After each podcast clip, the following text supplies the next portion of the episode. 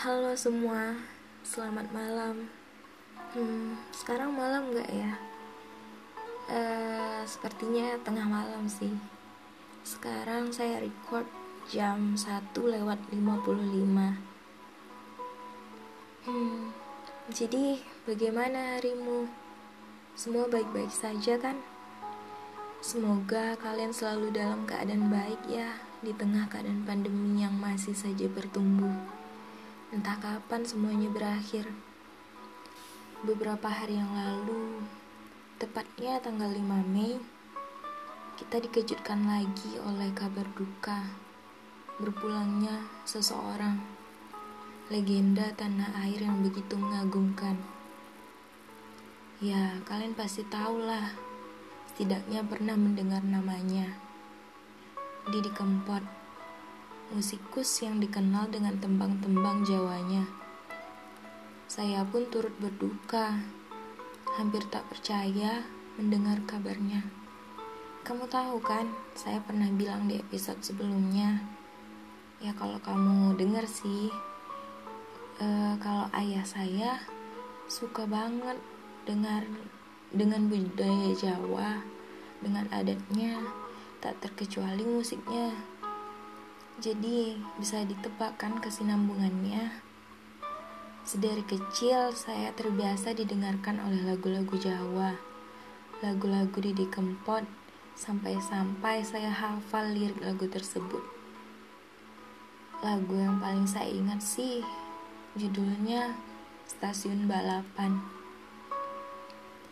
Sebenarnya saya ingin bernyanyi sedikit, tapi karena saya rasa akan mengganggu podcastnya, mungkin kalian bakalan menutup podcastnya kalau dengar suara saya. Jadi alangkah baiknya kalau saya mengurungkan niat saya. Jadi balik lagi ke Didi Keempat. Legenda satu ini dikenal dengan sangat dengan sikap yang sangat produktif.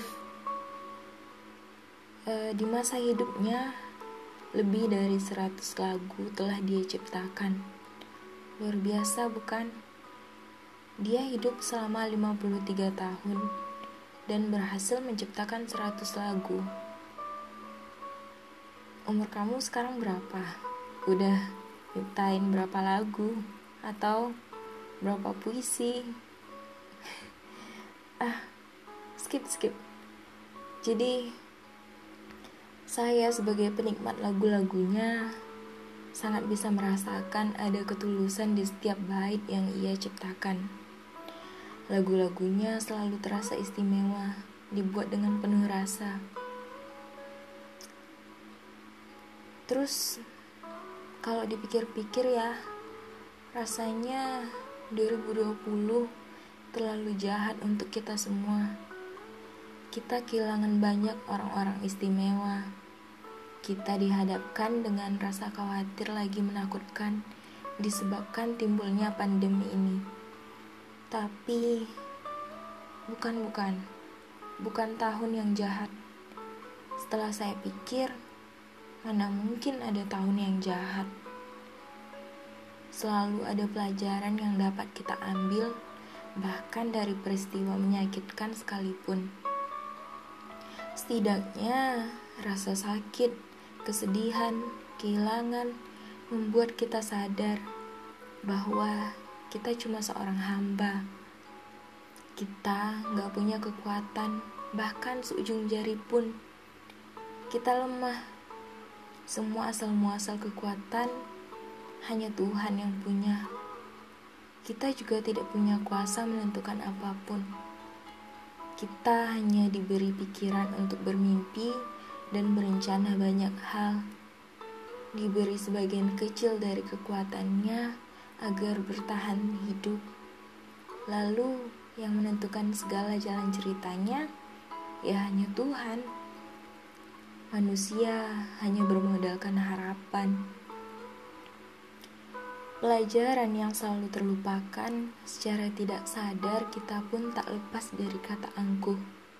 Berpikir bahwa kita bisa bernafas, berjalan, hidup, dan semua kemampuan lainnya berasal dari diri sendiri.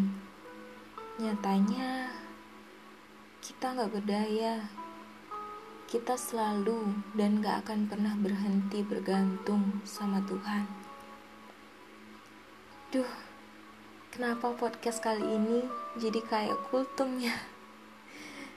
Sebenarnya niat saya bukan ingin membahas tentang religi atau ceramah, tapi tentang bagaimana merelakan kehilangan, bagaimana ikhlas jika harapan tak kesampaian. Tapi di lain hal, semua yang ada di bumi ini ya nggak akan lepas dari namanya kendali Tuhan.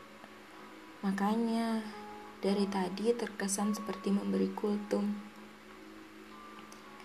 Tapi ya, kalau menurut saya, emang titik akhir dari semua perjalanan panjang itu ya kembali ke Maha Kuasa. Baik itu dalam keadaan baik itu keadaan senang secara nggak sadar pasti mikir kalau semuanya kehendak Tuhan. Apalagi keadaan sedih. Susah ya kalau nggak kembali ke Maha Kuasa. Kita mau ngadu sama siapa? Semua orang mungkin punya telinga, semua orang mungkin bisa mendengar, tapi semua orang gak bisa paham, apalagi peduli. Dari 10 orang yang kita kenal, satu orang saja yang peduli itu udah syukur banget rasanya. Tapi Tuhan gak pernah ninggalin kita sendiri. Tuhan gak pernah abai, meski kita yang sering abai nggak pernah berhenti memberi jalan yang lebih baik sesuai yang kita butuhin.